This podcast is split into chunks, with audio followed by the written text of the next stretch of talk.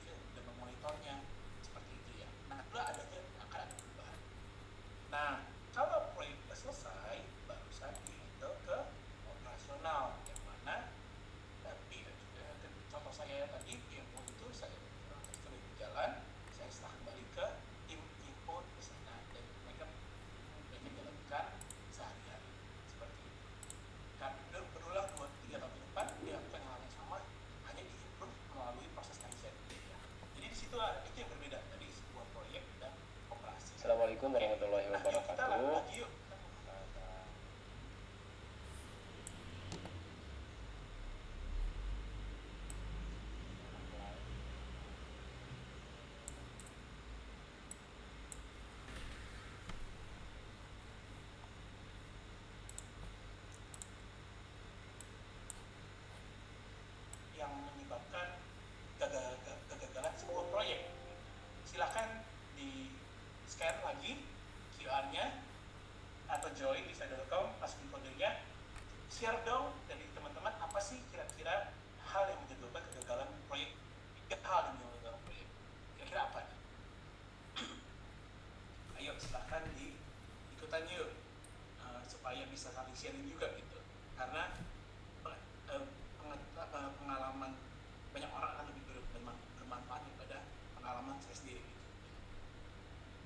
oke okay, ada satu nih thank you kurangnya perencanaan komunikasi yang buruk dan manajemen yang buruk secara umum komunikasi yang buruk oke okay.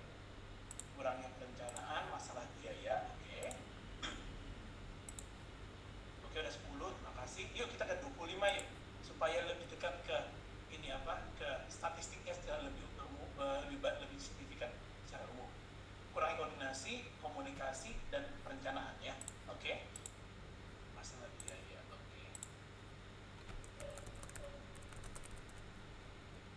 menarik ya.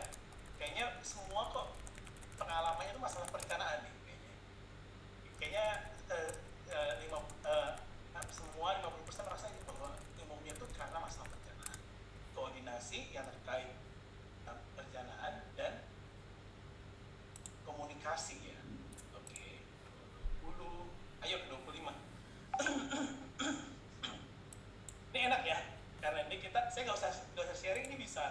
saling sharing sendiri gitu. Saya nggak perlu perlu ini tapi bisa uh, teman-teman bisa saling karena semua pasti expert di project management ya saya yakin. Cuma tinggal perlu sharing aja. Oke okay, mau nambah lagi silahkan ya. Tapi kita mungkin kita sambil jalan ya silahkan ditambahin. Tapi kita lihat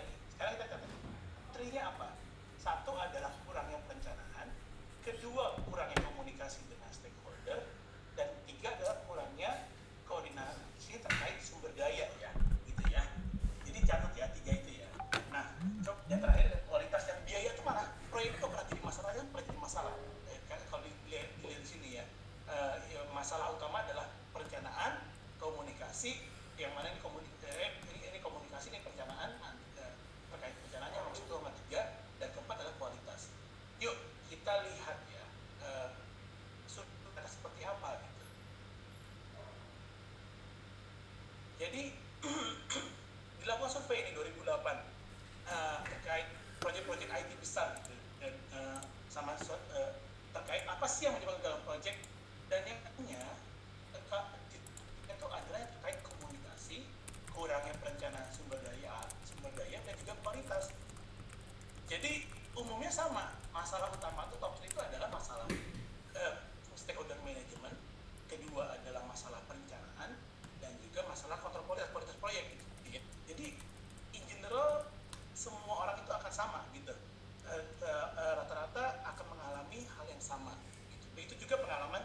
bisa ya jadi kayaknya ini eh, eh, udah nggak perlu sharing lagi. Kayaknya ini semua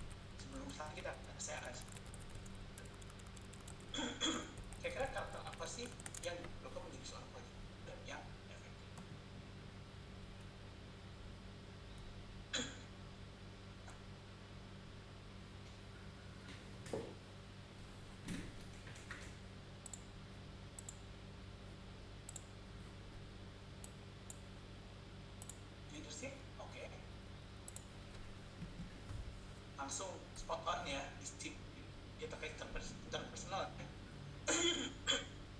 schedule oriented jadi harus paham memanage uh, budget dan schedule kemudian komunikasi ya uh, budget schedule komunikasi oke okay. timeline ya.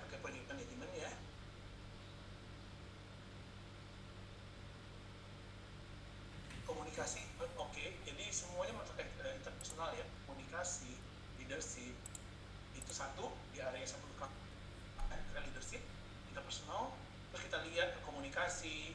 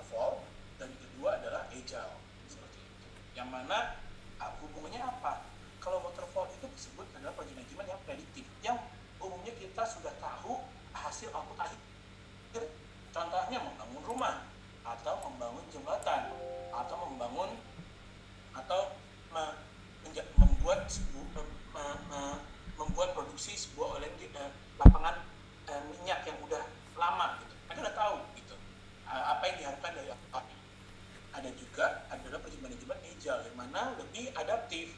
Nah, kenapa? Karena kita tahu bahwa ada ada masalah yang ingin kita uh, selesaikan, namun kita tidak tahu belum.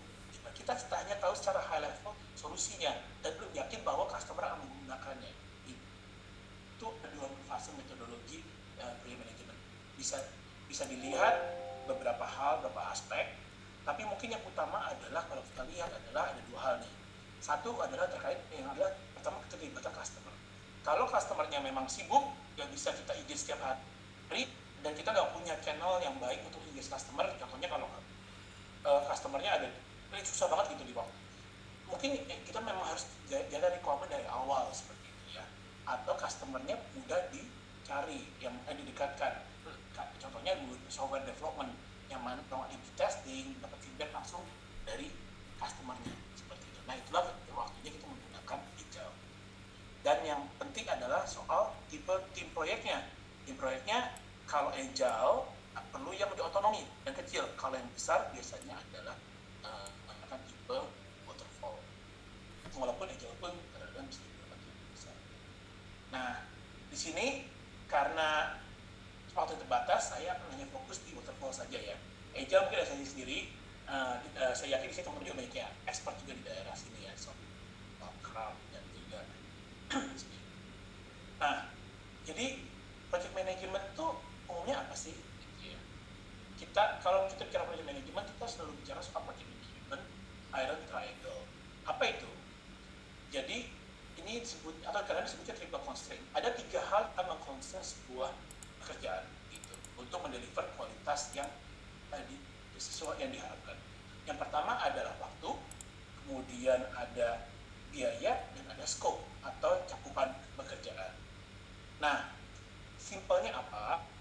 Ah, jadi di sini kita bicara bahwa kalau kita eh, kita eh, jika ada yang terlambat satu akan perlu dikorbankan di aspek yang lain. Contohnya kalau ada project management yang ada suatu pekerjaan tidak tidak dapat dideliver dalam waktu yang yang diestimasi yang besar dia harus untuk memberikan kualitas yang sama dia harus kompensasi dengan biaya menambahkan biaya atau menambahkan resources atau dengan mengurangi skop pekerjaan tersebut. Gitu. Ini yang perlu diingat. Jadi biasanya kita minta dua dari tiga bisa kasih dua gitu. Kalau kamu pengen kamu bisa bisa bagus, murah dan cepat gitu kan. Ilmunya semuanya semuanya gitu, tapi umumnya saya dua. Kamu bisa bagus dan cepat tapi nggak murah, atau bisa bisa murah bagus tapi nggak cepat. Nah, kalau yang project water, nah selanjutnya adalah soal project management waterfall. Jadi kalau project management waterfall seperti yang tadi disampaikan, biasanya tuh ini prediktif dan umumnya kita akan terlibat dalam lima aspek uh, fase. Ya, ini akan melibatkan lima fase. Inisiasi proyek, perencanaan proyek, kemudian eksekusi proyek, dan di situ ada pemantauan kontrol. Jadi ada monitoring gitu ya, ada untuk ngecek uh, mengecek budgetnya, lainnya seperti itu. Uh, dan dan yang terakhir adalah penutupan proyek di mana kita akan mengekstrak lesson learn-nya dan pembelajaran dan juga handover ke tim operasional yang tadi saya sampaikan. Nah, saya nggak akan akan fokus di sini eksekusi proyek. Saya juga nggak akan fokus di penutupan proyek karena ini ini bisa bisa bisa satu ini cover ini bisa satu hari sendiri pemantauan kontrol juga enggak. Tapi saya mau fokus banyak di inisiasi dan perencanaan proyek yang mana seperti kita sampaikan tadi di diskusi tadi. Problem utamanya kita ada masalah perencanaan seperti itu ya. Apa itu inisiasi? Jadi saya akan jelaskan. Nah, kenapa perlu inisiasi? Jadi, ini umum banget nih terjadi. Saya ada customer minta buatkan ayunan gitu ya. Nah, langsung buru-buru tim konsep membuat, oh oke okay, ayunannya saya siapkan deh. Dengan stainless steel, uh, pegangannya adalah kayu seperti itu kan. Terus diserahkanlah ke uh, diserahkanlah ke tim desain, over design, dibuatlah dengan uh, atap yang cantik dengan bantalan yang manis gitu biar customer happy dan ada belnya juga intinya customer pengen manggil katanya gitu kan. Dan eksekusinya karena sedikit banyak terlambat dan ada masalah macam-macam terus manajemennya buruk akhirnya dibuatlah dengan seadanya gitu. Akhirnya dibuat dengan uh, dengan nggak pakai stainless steel tapi pakai uh, uh, apa pakai tali yang biasa gitu ya. Ketika dikasih customer, customer bilang, oh sebenarnya saya minta ayunan itu adalah ayunan uh, uh, karet ya, apa, dengan dengan ban dan juga ada satu aja gitu pegangannya gitu ya. Nah ini terjadi banget, itu banyak sekali masalah ini terjadi yang bisa di, di, di bisa dibenarkan di solve dengan berbagai macam dengan tiga project management atau juga dengan waterfall tapi dengan satu konsep kalau di waterfall yaitu adalah inisiasi proyek. Ini yang kadang-kadang kita lupa. Langsung melakukan perencanaan. Apa-apa langsung membuat sesuatu langsung perencanaan. Buat langsung buat diagram gancar rencana dan lain-lain. Padahal yang paling utama adalah define problemnya. Apa sih masalah yang ini disolve gitu ya? Jadi inisiasi proyek adalah untuk merubah fokus dari masalah dari masalah ke solusi masalah tersebut. Jadi ini itu adalah start dengan masalah. Kita tidak tahu apa solusinya dan bagaimana cara menyelesaikannya, bagaimana membuat solusi tersebut. Padahal kita inisiasikan dari masalah menjadi solusi parsial dari masalah. Jadi hipotesa jawaban terhadap masalah tersebut dan juga kira-kira banyak cara bekerja siapa yang akan mengikuti eksekusinya seperti itu. Barusan dari sana kita pindah ke perencanaan yang mana kita baru bicara soal how-nya, bagaimana gitu. Karena kita udah punya solusi what-nya secara highlight. Kita mulai kita detailkan ke perencanaan. Ini di perencanaan ya. Baru kita eksekusi menjadi uh, solusi masalahnya jadi nyata gitu. Nah, gimana nih buatnya gitu kan? Oh, simpel nih kelihatannya oh bikin dari masalah menjadi eh, buat hipotesanya dan membuat suatu apa sih perencanaan apa sih perencanaan awal gitu ya atau skema awal kira-kira proyek itu seperti apa. Nah itulah kenapa dibuat sebuah proyek sebuah proyek charter. Ini adalah se, adalah basic utama dalam ketika menjalankan suatu proyek. Enggak, eh, ini ini kok umum banget karena saya dulu sebelum saya ngambil sertifikasi, saya berasumsi bahwa ketika saya membuat sebuah proyek, saya, saya langsung buat perencanaan, saya buat planning. Padahal yang benar adalah buat dulu problem statementnya atau project charternya. Jadi apa sih problemnya, solusinya apa, terus kira-kira apa sih solusi detailnya, nah, ininya apa yang mau di deliver dengan uh, kita melihat metriknya apa, in apa in scope, out scope, resikonya apa, dan timeline milestone apa? Dan kira-kira budgetingnya berapa gitu? Benefit dan budgetingnya berapa dan uh, uh, siapa yang melakukan? Jadi ada why what how dan who. Di sinilah inilah pentingnya untuk menginisiasi sebuah proyek. Jangan langsung perencanaan, jangan langsung ke solusi, tapi build sebuah problem Ini dilakukan di mana-mana. Uh, saya uh, di satu company saya implementasikan manajemen uh, uh, metodologinya, ini yang di roll out dan itu sangat bermanfaat banyak hal hal-hal besar yang deliver di company tersebut. Ketika digoto sama sama apa pun sebuah proyek paling utama adalah buat dulu project charter. Seperti itu. Atau awal untuk menjadi Nah, dari sini make sure kalau sudah sudah ready, make sure sponsor atau pemegang budget dan juga pemegang resources ada tangan. Karena apa?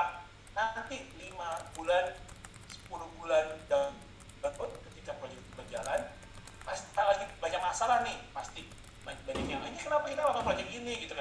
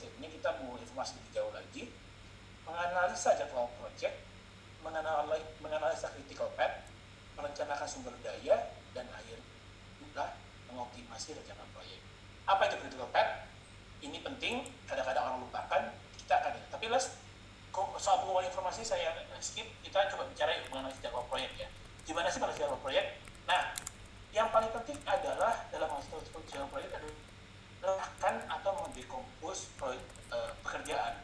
Jadi proyek ini harus pecah jadi fase, uh, deliverables, work package, sampai ke level di mana bisa dilakukan dalam pekerjaan.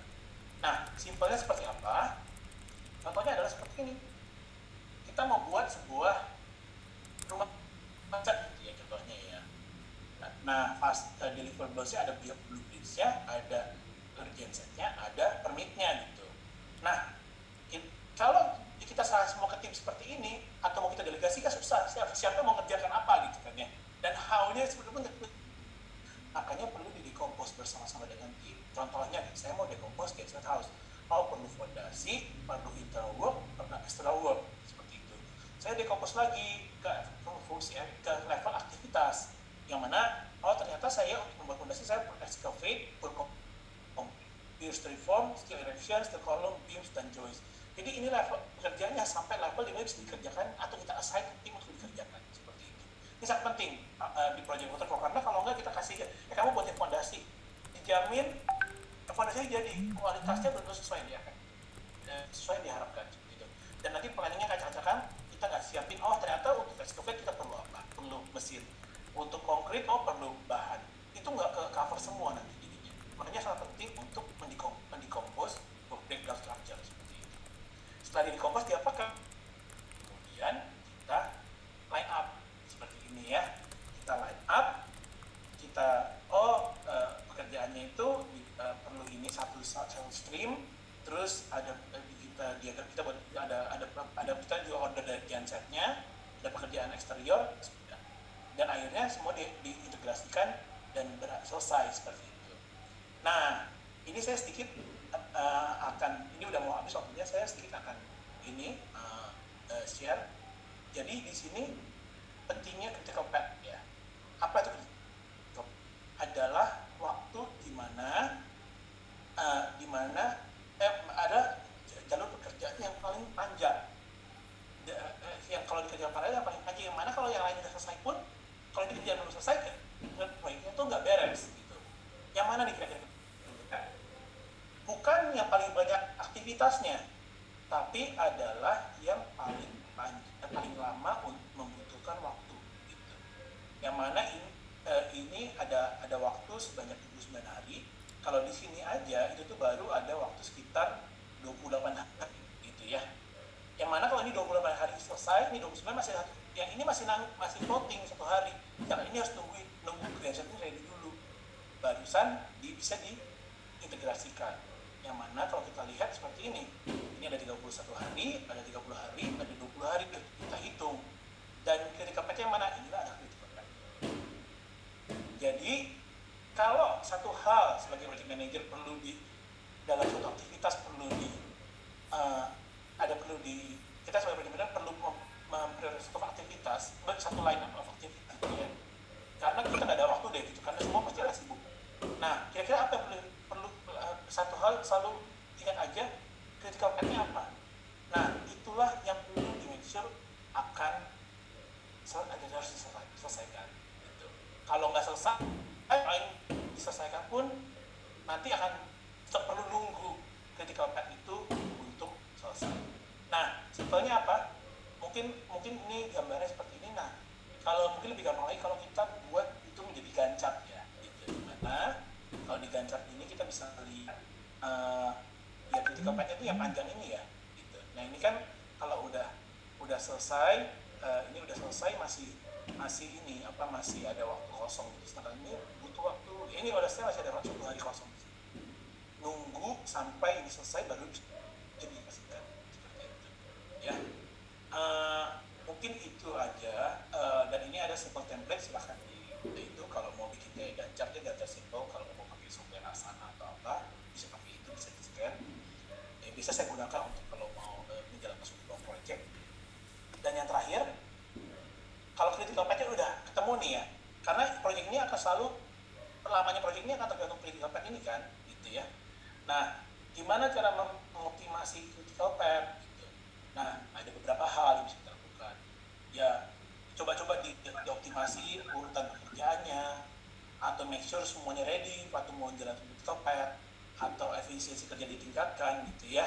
Uh, atau waktu atau waktu yang tersedia diperbanyak sumber daya atau dan ini penting biasanya kita perlu memonitor pekerjaan eh secara rutin gitu. karena nanti dari monitoring itu kita baru ketahuan oh ada potensi potensi resiko yang akan menghambat seperti itu.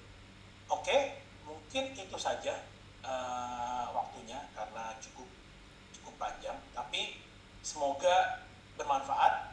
Seperti saya sampaikan uh, manajemen adalah bidang yang uh, apa cukup luas dan dalam. Jadi ini ininya aja ya apa kayak kisi-kisinya gitu. Silahkan untuk uh, semoga, uh, untuk menggali lebih dalam lagi seperti itu.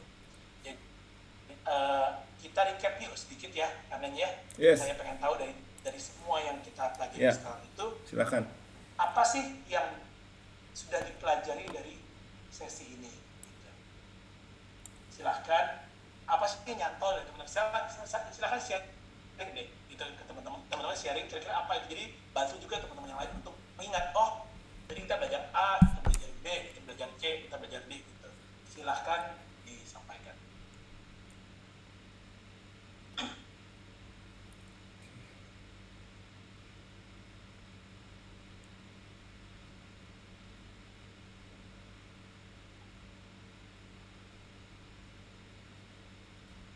path ya. Silahkan dicari ada critical path methods PM nanti itu bisa itu selalu itu selalu ber, uh, bermanfaat.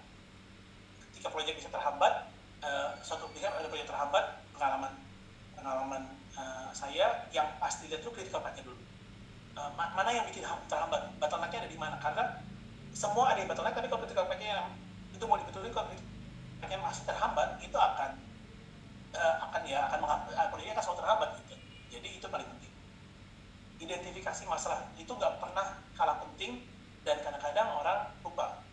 People tend to jump into problem eh to, to solution. Padahal utamanya adalah masalahnya itu apa gitu, problem solving gitu ya. E, cari proses saja cari masalah e, cari solusinya. Yang mana mungkin ada kita bisa jalan sesi, sesi problem, problem structure problem solving juga ya mungkin nanti ya. Karena ini ya yeah. yang penting problem solving agile versus waterfall iya itu penting karena agile makin makin populer ya gitu ya dengan uh, dengan semakin seringnya startup startup uh, semakin populernya digitalisasi dan startup karena uh, bisa kita semakin efektif menjalankan agile terus untuk customer feedback lebih cepat testingnya lebih cepat gitu ya. Kita bisa langsung feedback kita lempar langsung ke uh, ke production uh, langsung dapat feedback dari customer gitu kira seperti apa gitu. Apalagi nih Agile versus Waterfall. Saya senang nih, uh, ternyata nangkep ya, uh, banyak yang nempel perencanaan project, oke? Okay? Apalagi nih, ada masih ada ini.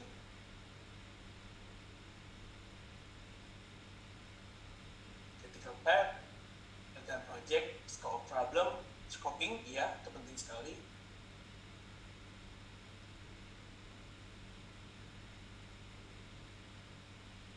Sampai ini ya uh, deliverables oke. Okay. identifikan fail to plan plan plan to fail ya betul. Kata ada satu lagi tuh kemarin ya susu atau apa? Uh, planning is 80% of the work atau apa gitu ya. Karena penting perencanaan itu penting gitu. Even di agile pun uh, penting ada perencanaan. Yang mana bikin backlog uh, backlog project kerja project fail to plan plan plan to fail oke okay. Carter oke saya suka nih. Ini penting juga ya oke okay, terima kasih banyak buat yang sudah kontribusi ya. Mungkin last my last uh, my last message aja. Uh, jadi uh, di uh, silahkan kasih feedback. Silakan di scan atau ini. Kalau uh, silakan kasih feedback. Sangat berguna buat saya dan juga buat Karnen ya untuk uh, gimana kita bisa improve ke depannya dari sisi sharing dan juga juga mungkin kalau ada topik yang pengen di cover uh, lebih ke depannya kan uh, ini sangat berguna buat kami dan mungkin setelah itu kita bisa lanjut ke Q&A ya gitu ya Anin ya yes makasih ya.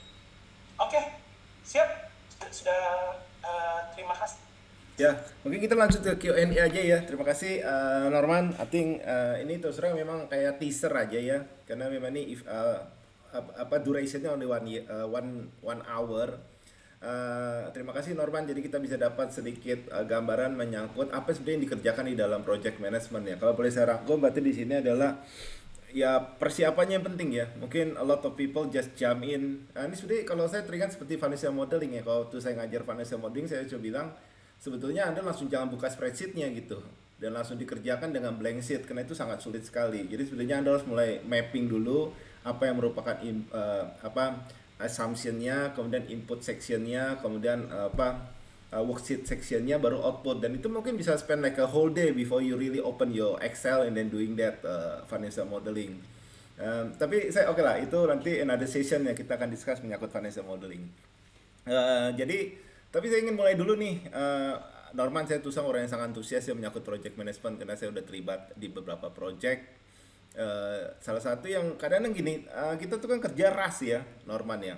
Uh, ya namanya kita kadang-kadang kan kalau udah di atas tuh semua mau quick and quick and quick gitu kan, mau cepet dan kita selalu banyak sekali agenda yang di di, di meja kita. Nah jadi kadang-kadang saya kalau bicara sama tim itu saya langsung begini aja. Udah deh, kamu bikin aja matrix 4 kuadran, important, urgency jadi saya tuh karena kita dengar dari setiap bagian tuh banyak masalah. Oh ya, lot of things lah. People say this and other people say that gitu. Jadi kita susah sekali untuk mencari benang merahnya dan me, me, meng, menggandeng satu sama lain. Nah, karena waktu kita singkat, kita cuma bilang gini, oke, okay, bikin aja empat kuadran X and Y. Satu urgency, satu importance. Nah, yang kita taruh poin-poin di dalam uh, kuadran yang super urgency dan super important, itu yang saya minta dikerjakan duluan forget the rest saya bilang even forget the rest saya bilang udah lupakan yang lain kerjakan dulu mana yang super urgency and super important nah nanti kalau udah kita selesaikan semua poin-poin di dalam kuadran katakan itu kuadran keempat ya karena paling ujung atas yang apa top uh, right hand itu kita kerjakan duluan. Nah itu biasanya saya begitu tuh pendekatannya Norman. Jadi uh, karena pusing kita dengar ya, ya, everybody have their own problem how to execute this. Uh, lalu yang yang yang kedua itu uh, saya selalu bilang uh, selalu saya bilang begini itu satu pendekatan kedua. Saya bilang ini sebetulnya KPI-nya apa sih? Karena kan kadang-kadang orang bicara udah tentang proses a lot of things gitu ya. Dan saya akhirnya pikir udah deh oke okay, to put everybody on the same page KPI-nya apa nih yang kita mau sepakatin duluan. Jadi kalau misalnya nggak sepakati KPI-nya kita nggak bisa maju. Jadi saya selalu menggunakan dua pendekatan itu sebagai rule of thumb tuh uh, Norman. I don't know ini whether this is the right approach uh, sometimes is kill the problem. Tapi ya tentu uh, tantangan ketiga adalah yang saya hadapin langsung di lapangan adalah sulit sekali untuk mendapatkan orang the right man at the right place. Itu sulit. Kadang-kadang kita harus uh, negotiate with that condition. Jadi uh, karena keadaannya tidak perfect mau tidak mau apa yang ada harus saya pakai dulu gitu ya to do that. Nah itu tiga, uh, dua rule of thumb yang menurut saya, lalu satu tantangan terbesar yang saya lihat di lapangan. Nah, ini gimana nih dari dari Norman? Uh, uh, ya, yang terkait pemprioritasan itu kan yang pakai Eisenhower matrix ya, biasanya urgent and important. Ya. Emang itu umumnya juga kita bisa bisa kita menggunakan implementasi yang mengimplementasikan metode yang sama juga ya ketika kita memprioritaskan proyek sih atau inisiatif ya atau action item lah kalau simpelnya. Uh, karena kita nggak pernah punya waktu yang cukup gitu. Yeah. atau cukup untuk melakukan semua. Yes definitely. nah, ujung-ujungnya kita harus memprioritaskan. Ada dua sih biasanya yang digunakan urgent and important. Yaitu uh, satu yang biasanya digunakan untuk typical GSD ya get get stuff done. Atau juga satu lagi adalah dengan menggunakan konsep uh, uh, ini apa? Impact sama uh, impact sama uh, effort ya seperti itu yang mana di situ bisa digunakan juga untuk melihat mana sih yang menjadi quick win. Ketika high impact low effort, biasanya itu quick win yang mana dalam sebuah proyek program besar gitu ya atau program besar tapi sebuah company biasanya itu penting difokuskan karena itu akan memberikan akan mendeliver impact yang cepat gitu ya dengan effort yang minimum bisa waktunya juga minimum dan apa dampaknya tim moral akan naik Hmm. dan juga spons apa eh, dan juga eh, sponsorship akan semakin tinggi dari manajemen karena melihat hasilnya lebih cepat gitu kan ya Yeah. MVP-nya lah udah keluar gitu jadi akan akan manajemen akan gain confidence akan berani lebih invest lebih banyak lagi ke program tersebut gitu Oke. seperti itu Oke. Nah. Ini teman-teman kalau ada pertanyaan silakan aja ditulis di Jelas kolom chat. penting. Ya. Iya. sorry.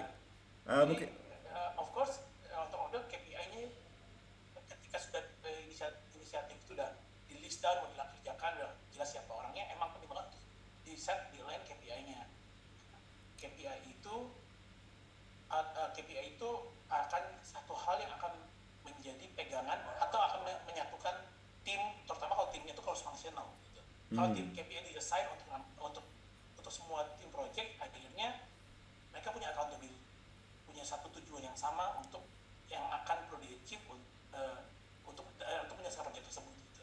seperti itu ya betul betul. ya setuju setuju setuju sekali sih karena Ya. itu sangat eh, persis dengan apa yang eh, dilakukan di, di mau di, di, di company apa pun ya mau konvensional atau mau di atau atau mau di yang di company kayak unicorn itu juga sama ujung-ujungnya tuh either KPI atau OKR harus ada gitu. kalau Ya. enggak nggak ada accountability nggak ada yang memberikan eh, apa yang jadi pegangan gitu. dan ujung-ujungnya apa kalau udah selesai pun terus nggak ada reward atau punishment as aspek reward and punishment gitu. Ya, ya. Itu saya sharing dari pengalaman saya memang akhirnya along the way saya makin percaya bahwa sebetulnya you need to drive organization by KPI. Karena itu lebih clear, uh, lebih fair for everybody juga ya. Karena um, apa memang problem terbesar dengan KPI, uh, KPI adalah akhirnya masing-masing lebih hidup di dalam ini ya, berusaha memaintain KPI-nya sendiri kan. Jadi uh, jadi sebagai manajemen tuh tantangannya nge-bridging antara KPI satu dengan KPI yang lain karena kadang-kadang satu KPI dengan KPI yang lain itu kan tentu ada konflik juga kan. Jadi uh, misalnya ya I think uh, teman-teman mungkin merasakan juga ya uh, setting KPI itu satu hal tapi how to how to align KPI between one department and another department tuh tantangannya juga nggak mudah di sana kan gitu. Oke sebelum ada saya bacakan ada satu dari Pak uh, oh saya satu lagi sebelum Pak Christopher ya Pak ya karena ini juga saya punya pengalaman pribadi itu serang jadi itu kadang-kadang tidak saya hadapi di dalam lapangan pada waktu project management itu. In out uh, ya, saya selalu bilang gini ini harus harus ngomongnya IO-nya input outputnya gitu ya. Karena sebetulnya antara satu dengan yang lain bisa aja yang satu merasa itu outputnya dia tapi di departemen yang lain atau masuk ke proses berikutnya tidak merasakan sebagai input. Jadi tidak match. Nah ini harus dicari alignment antara apa sih pengertian output and uh, one process apakah itu bisa masuk. Tapi saya nggak tahu ya ini apakah ini masalah di uh, project management kita tidak well planning dari awal ya. Tapi tantangan yang saya hadapi dari dari kehidupan itu pekerjaan itu saya rasakan uh, ternyata uh, IO-nya atau input output dari antar satu bagian dengan bagian lain itu memang sebetulnya menggunakan uh, apa pemahaman yang berbeda gitu kan. Karena yang satu merasa sudah menyelesaikan pekerjaannya tapi yang lain merasa ini sebetulnya masih kayak working process gitu. Jadi itu yang saya tantang uh, saya rasakan Norman. Nggak tahu what do you think about that Uh, ya s- eh, eh, gimana ya tetap ya intinya saya rasa sih sa- eh, tetap ini sih ya karena kalau dari sisi eh, apa even KPI OKR pun juga memang harus cover input dan output sih eh, matrix ya Eh, jadi yang mana mungkin different level tapi memang eh, karena KPI dan OKR pun akan ada di berapa stage ada di berapa level ya akan Hmm. di scale ke bawah gitu makanya itu eh, harus semakin kita ke bawah semakin closer to input matrix sih Hmm. Jadi, jadi supaya bisa apa bisa ya memang seperti itu kalau terlalu out, output driven juga susah gitu apalagi eh, eh, untuk yang eksekusi di lapangan gitu biasanya harus balance sih in general gitu. Iya, iya. Interesting, interesting. Oke, saya bacakan satu pertanyaan dari Pak Christopher Hobart. Itu do we still need project charter when using agile methodology? I think um, yeah, this is about the project charter ya. Mungkin you can say something Pak Norman about that.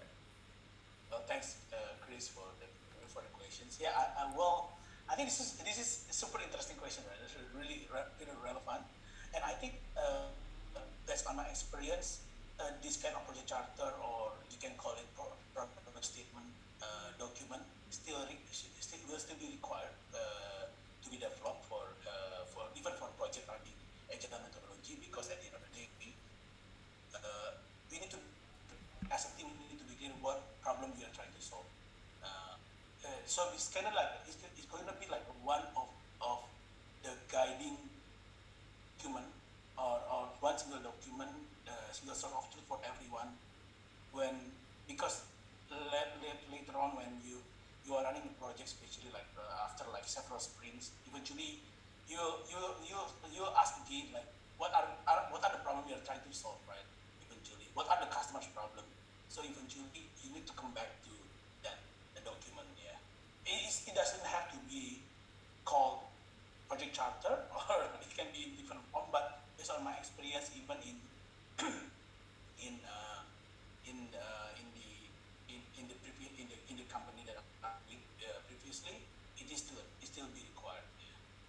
In yeah, but doesn't have to be project charter, corporate charter, but it can be problem statement document or uh, or sometimes called BRD, or even in the, in the level is called PRD, yeah, product requirement docu- document. Still still be required. Yeah. Okay. Is that answer your question, uh, Chris? Hello. Yeah, yeah. Okay. Thanks, uh, Norman. Thanks, Karen. Oke oke. Thank you, Chris. Oke. Ada lagi dari teman-teman yang ingin menanyakan menyangkut PM. Seperti saya percaya um, di dalam pekerjaan kita sebenarnya at the end of the sebuah PM sih. Gitu. Walaupun kita kerja di departemen-departemen yang berbeda atau certain section atau not in the big project, tapi sebetulnya we are part of the something gitu, definitely kan. Ada lagi dari teman-teman? Kurang lebih ada 46 orang yang login di Zoom Uh, dan ada juga yang nonton melalui live streaming uh, YouTube gitu. Mungkin sambil nunggu dari pertanyaan yang masuk ya Norman sore ini mungkin banyak saya nanya bahkan ya karena saya suka PM. I think when we are getting more higher in our level is all about the PM sih itu yang saya rasakan sih. Uh, not only specific in our current task sebetulnya ya karena from time to time we need to jungle from one uh, apa one job to another job. Jadi emang harus cepat quick quick quick quick. Dan at the end of the day buat the PM sebetulnya sih ya. Uh, nah itu juga kalau yang saya lihat juga salah satu tantangan di lapangan itu yang memang saya rasakan dari awal tuh adalah gini. Uh, goal itu udah disetting orang lain normal jadi uh, kita kan selalu berpikir bahwa ini like a demokrasi kan. We setting the set, we, we we are the one that together setting the goal. Tapi kadang-kadang kan ini top down. Goalnya tuh udah di top down gitu ya. Either you like it or you don't like it you have to do that gitu kan nah kemudian dari goal ini kan terpaksa kita harus bisa mentranslate that to the operational level Nah itu tantangan yang saya rasakan dan kadang-kadang saya tidak merasa tidak mendapatkan banyak juga sih guide menyangkut hal itu. Uh, people just put something on your table, just execute that gitu. Nah kita kan berarti harus memikirkan soal logistik, kemudian uh, time-nya juga kapan mau diselesaikan dan memang uh, semakin bigger operationnya tentu tidak mudah karena melibatkan sekali. Betulan saya saat ini di manufacturing ya maksudnya. Uh, itu lebih lebih sulit lagi saya ke belakang harus mengurus juga dia punya uh, back end operationnya gitu. Nah ini ini bagaimana nih kalau lihat kayak begini Norman? In this situation gimana? Kalau satu goal itu udah di top down aja gitu. Sometimes it's very aggressive gitu but you have no choice I just have to do that right Oh, oke. Um, of course kalau idealnya itu top down tuh, eh kalau setting goal setting itu selalu harusnya bentuknya W ya, W ya, ya, modelnya. Top down, terus di ada feedback bottom up, barusan nanti di top down lagi, barusan di daerah eksekusi seperti itu kan ya, W gitu modelnya. ya Nah, tapi memang itu ideal. Dan in most of the cases itu yang works gitu so far.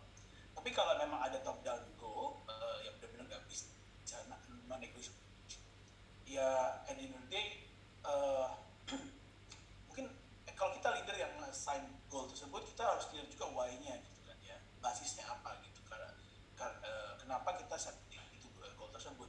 Karena kalau enggak nanti tim yang mengeksekusinya pun dikasih di, di, di, goal tersebut tapi nggak clear. Misinya apa? Why we need to do that? Eventually nggak akan ada motivasi untuk nge-push itu untuk achieve gitu kan. Itu satu. Dan yang kedua dari sisi sisi pelaksananya gitu. Kalau emang dikasih top down goal ya I think kalau bisa dinegosiasikan tetap ya karena emang ide eh, tapi yang negosiasikannya dengan dengan basis atau argumen yang atau data yang memang make sense gitu. Karena ujungnya ada operational constraint atau atau ada operational constraint ability resources dan juga ini ya apa capability gitu kan yang capability capacity. Nah di situ makanya itu perlu dicek tuh apakah double atau enggak. Kalau enggak misalnya oh ternyata kur- orangnya kurang. Atau kualitasnya itu kalau sih udah di lock di sana kita sebagai orang yang mengeksekusi harus make sure kita punya kapasitas capability untuk melakukan itu gitu. Kalau enggak ya kita harus kalau emang nggak bisa negosiasi through kita minta resourcesnya yang make sure itu bisa diberikan. Kalau nggak bisa diberikan juga apalagi? Karena kan eh, kembali lagi ke tadi ke konsep segitiga tadi gitu kan ya. Segitiga tadi kan eh, eh, eh, eh, triple constraint. Kalau scope-nya udah di lock eh, eh, terus time-nya juga harus dikasih di, di lock juga. Ujung-ujungnya apa? Data resources yang mencukupi untuk melakukan tersebut.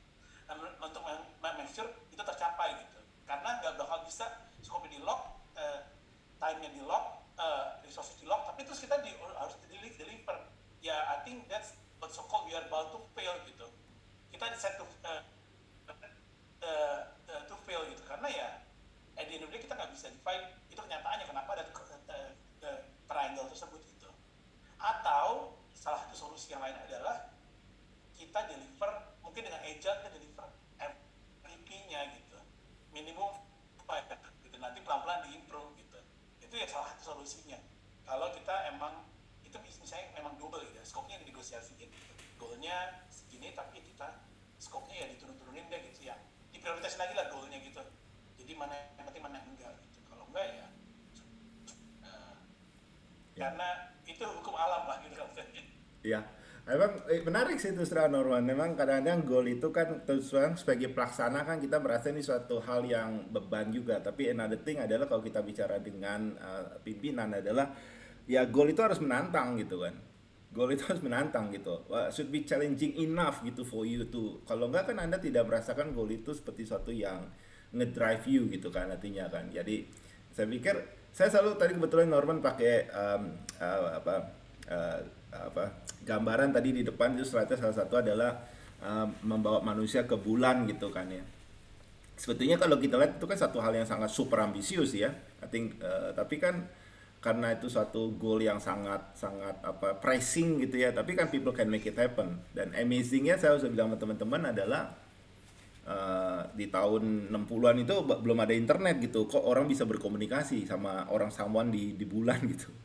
jadi jadi saya lihat memang harusnya goal itu memang harus ini sih uh, super menantang ya walaupun tentu sebagai pelaksana kadang-kadang kita merasa a bit di apa pricing karena kan uh, harus mengerjakan sesuatu yang tampaknya mustahil sih tapi ya I think that's I don't know that's my experience ya spot way. ways jadi kita belajar WW apa tadi WW ya It's it's a good Iya, approach sih jadi udah, udah, udah, udah, udah harus harus dari visi dulu aspirasi baru di bottom up top down bottom up baru top down lagi gitu ya Hmm. kalau kalau bottom up duluan keburu constraint sama masalah ini masalah itu akhirnya ah udah kita mimpinya kecil aja deh. Oke, oke. Yap, yap. Eh, aku nggak tahu nih, teman-teman ada lagi pertanyaan yang masuk menya- untuk bisa diajukan kepada eh, Pak Norman. Silakan aja kalau nggak mau ditulis di chat langsung aja di eh, unmute untuk bicara langsung dengan beliau. Halo.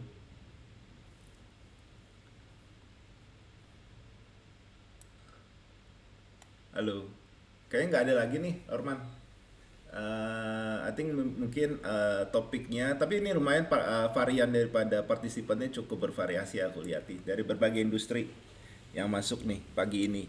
Oke, jadi nanti eh, kita mungkin ke depan ya Norman kita cari waktu untuk bisa ada offline uh, training ya kalau memang di situ mungkin kita bisa lebih bicara tentang nitty gritty daripada project management ya mungkin juga akan masuk ke bisnis uh, case-nya juga ya Norman ya di mana di situ kita bisa ada uh, use case langsung menyangkut penggunaan PM-nya jadi mestinya PM in action lah. Mungkin saya pikirkan project management theory is one thing tapi another thing mungkin 99% is about PM in action.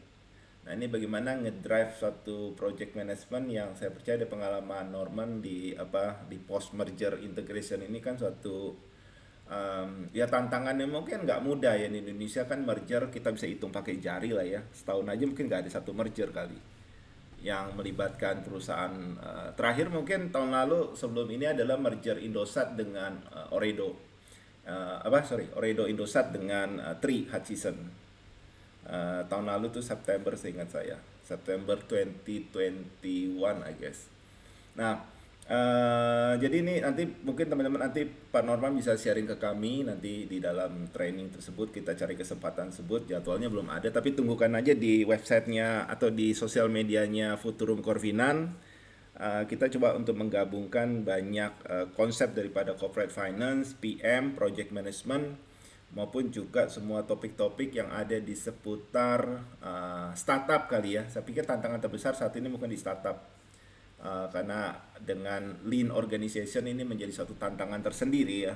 Gitu ya Pak ya. Oke uh, di pagi hari ini terima kasih nih kepada teman-teman yang sudah bersedia meluangkan waktu login di sini dan mengikuti presentasi singkat dari Pak Norman. Kami ucapkan selalu sehat di tengah-tengah meningkatnya angka COVID uh, kemudian juga uh, apa uh, selalu uh, tune in di sosial media kami di futurumcorvina.com dan kalau ada pertanyaan apa pun juga silakan aja di email ke kami karena sudah ada email kami di sana di website kami lagi revamp website kami mohon maaf. Nanti tapi ada emailnya. Uh, nanti kalaupun ada topik-topik yang khusus diminta dari Futurum Corvinan uh, WhatsApp aja karena ada nomor WhatsApp saya kami akan coba mencari pembicara yang bisa mengakomodasi Eh, topik-topik uh, tertentu yang mungkin menarik bagi Anda untuk selalu uh, hadir uh, mendengar. Dan ini tujuannya memang hanya sharing aja supaya kita bisa saling belajar dari anak muda juga dari lingkungan mereka yang memang hadir saat ini di dunia startup maupun di scale up. Uh, terima kasih itu aja uh, Pak Norman. Ada lagi tambahan dari Bapak sebagai penutup?